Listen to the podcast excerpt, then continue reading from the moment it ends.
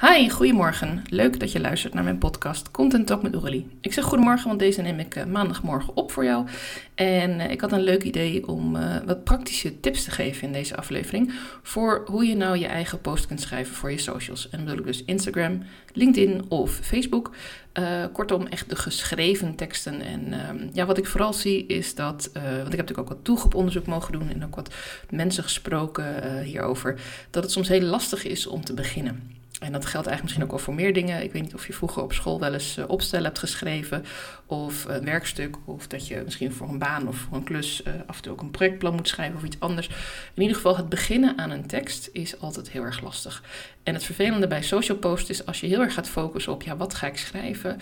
Hoe ga ik dit aanpakken? Wanneer ga ik dit doen? Oh, nu is het echt zover. Ja, nu moet het echt. Dan is de neiging om het uit te gaan stellen, om nog even wat anders te gaan doen. Even dat wasje draaien, even dat telefoontje plegen, even met je dochter iets gaan doen, ik noem maar wat. Kortom, er is dan altijd wel iets anders wat op dat moment dan meer belangrijk lijkt. En waarom zeg ik lijkt? Omdat uiteindelijk die social post ervoor zorgt dat jouw klant jou gaat vinden. En natuurlijk is het niet altijd leuk om jezelf te blijven herhalen. Natuurlijk voelt het af en toe echt alsof je een soort, oh daar ben ik weer. Maar zo voelt het voor je klant echt niet. Voor jouw volgers ben jij een van de velen die langskomen op de feed. En als je niet minimaal twee posts per week plaatst, en liever eigenlijk nog wat meer, ja, dan val je een beetje buiten de boot. En natuurlijk kun je ook stories plaatsen of reels. Maar laten we het vandaag even houden op posts op LinkedIn, Facebook of Instagram. Ik focus voor nu heel even op Instagram, omdat ik dan makkelijk even één haakje heb. Maar deze tips kun je natuurlijk ook prima gebruiken voor andere posts uh, waar jij wat mee doet. En eigenlijk, ja, goed, ik ga gewoon beginnen, want dan merk je het vanzelf.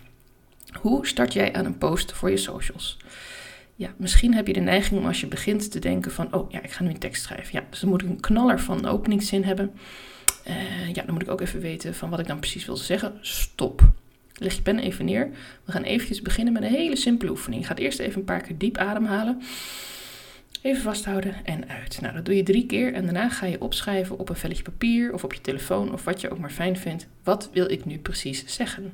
Wil ik een tip geven? Wil ik een stukje informatie delen? Wil ik een verhaal vertellen over iets wat ik met mijn klant heb gedaan? Wil ik misschien iets vertellen over wat ik zelf heb eh, eh, ondergaan of, of doorgemaakt heb? Wil ik iets gaan vertellen over wat ik heb geleerd? Schrijf dat even heel kort op in een paar kernwoorden en kies dan ook uit wat voor soort post het wordt. Als je dus iets gaat vertellen over wat je hebt geleerd of wat je hebt gedaan, dan wordt het meer een verhaal.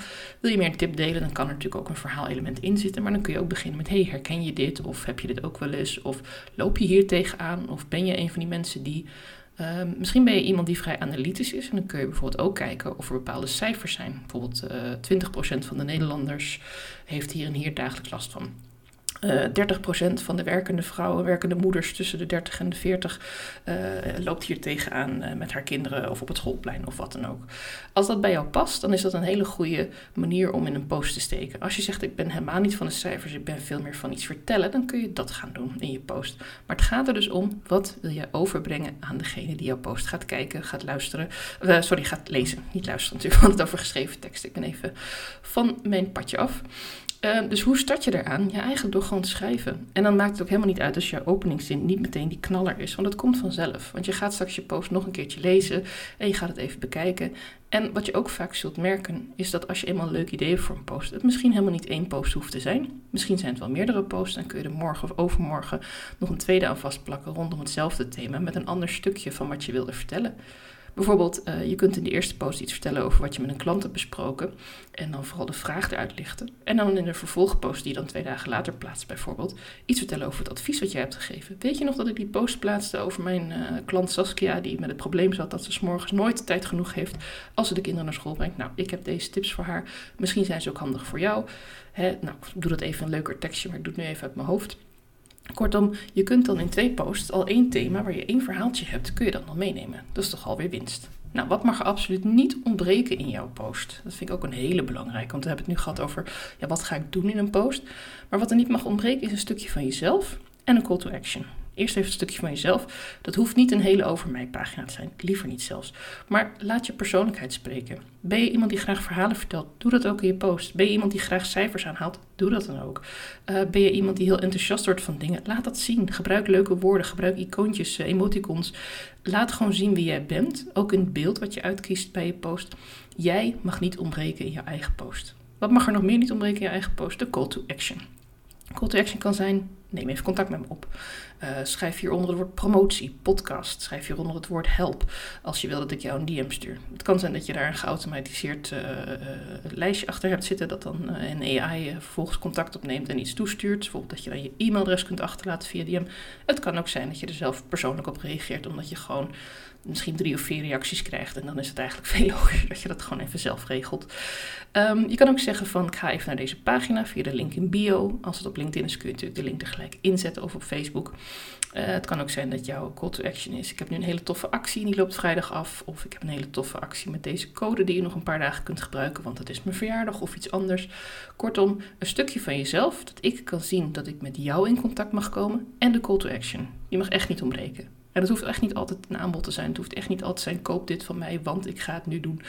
Maar zorg er in ieder geval voor dat mensen de kans hebben om met jou contact op te nemen en dat je laat weten dat je daarvoor open staat. Misschien heb je een gratis adviesgesprek, wil je die promoten? Misschien uh, wil je gewoon even babbelen. Ik heb heel vaak onder mijn post staan, stuur me gewoon een DM, dan babbelen we even. Betekent helemaal niet dat je gelijk iets van mij moet gaan kopen of dat we überhaupt meteen verder gaan werken. Nee, ik vind het gewoon hartstikke leuk om even te weten, hey, wie ben jij? Volg je mij? Wat tof. Uh, luister je ook naar mijn podcast? Oh, wat vind je ervan? Uh, is er iets wat je nog mist of waar je graag meer over zou willen horen? Kortom, ik vind het oprecht interessant om van jou te horen. Dus mijn call to actions zijn heel vaak: neem gewoon even contact met mij op. En het derde element waar ik het uh, in wilde over wil hebben met jou, als het gaat om het schrijven van social posts, is het hartstikke slim. Uh, LinkedIn wordt het steeds minder gedaan, maar op Instagram nog wel. De hashtag. We sluiten de post af met een aantal hashtags. En hoe doe je dat nou? Nou, sowieso kies je natuurlijk hashtags uit die je wat vaker kunt gebruiken. Uh, hashtags die uh, liever ook niet als superveel gebruikt worden, want dan ja, verdwijn je een beetje in de grote massa. Maar soms is het ook wel fijn om gewoon wat algemene hashtags te gebruiken die terugslaan op jouw vakgebied, die terugslaan op de mensen die jou uh, volgen. Maar je kan ook je eigen hashtag hebben. Bijvoorbeeld van je bedrijfsnaam of van je aanbodnaam of van iets wat mensen bij jou kunnen halen, specifiek resultaat. Werkgeluk, slaaptekort, nou noem maar even wat dingetjes. Ik heb vaak creatief schrijven of copywriter of content schrijver of zoiets erin staan. schrijver voor dat soort dingen. Probeer ze in ieder geval niet al te lang te maken. Dus schrijf voor ondernemers is geen goede hashtag, vind ik. Want die is echt veel te lang. Dan moeten mensen een enorm verhaal gaan lezen en daar gaat ook niemand op zoeken. Maar uh, Vanpreneur, uh, Dutch Girl Boss, uh, Lady Boss... Um, Noem maar op, als jij echt wil focussen op vrouwen, kun je ook dat soort woorden gebruiken. Um, als je gewoon een standaard lijstje hebt van een aantal hashtags, ook helemaal prima. Uh, let er gewoon op dat er altijd ook wat woorden terugslaan op je post, zodat mensen ook een beetje aan je hashtags kunnen zien, oh, het gaat daar en daar over. En ja, ik ben er nog steeds niet helemaal over uit wat nu beter is. De hashtags onderaan je post zetten of met een paar stipjes ertussen, dat er genoeg ruimte tussen zit aan witregels. Dan wel uh, de hashtags in het commentaar zetten. Het idee is als je binnen een uur uh, na het posten op LinkedIn of Instagram een uh, reactie hebt, dat dat vaak beter is uh, voor je vindbaarheid. Dat je dan sneller omhoog komt. Ik weet niet of dat ook geldt als je zelf de reactie eronder zet. Dat durf ik echt niet te zeggen. Het is een tip voor als je iemand tagt om even tegen diegene te zeggen: Ik ga je taggen in deze post. Misschien kun je hem gelijk liken of een commentaar geven binnen een uur, want dan komt hij verder omhoog. Maar ik geloof eigenlijk niet zo heel erg in allerlei trucjes met tijdstippen en, en, en precies wanneer, hoe laat, wat. Ik geloof veel meer in goede content waarmee je of een sterk verhaal neerzet waar je klant wat aan heeft, of het resultaat heel duidelijk naar voren komt, dan wel of jij leuke tips kunt geven aan je klanten, waardoor zij het gevoel van hé, hey, uh, deze dame of heer die begrijpt wat ik uh, meemaak, die begrijpt wat ik nodig heb, uh, daar ga ik mee aan de slag, want daar heb ik echt aan. En hashtags zijn gewoon een soort van afsluiting van je boodschap voor mij handig om te hebben, omdat je dan ook in een bepaalde niche kan vallen op, op je socials, in dit geval Instagram. Maar vooral ook gewoon even een afsluiter van, nou, dit is mijn post. Uh, ik heb nu een leuke opening, ik heb een leuk verhaal verteld, ik heb een call to action neergezet en ik zet een paar hashtags neer, zodat ik ook weet van, hé, hey, daar kan ik op gevonden worden. Maar ja, zelf zoek ik eigenlijk heel zelden op hashtags, als ik heel eerlijk ben. Als ik iemand wil zoeken, dan uh, merk ik dat ik eigenlijk het meeste zoek op de mensen die reageren op mensen die ik al interessant vind. Dus dat is nog even een bonus tip voor mij.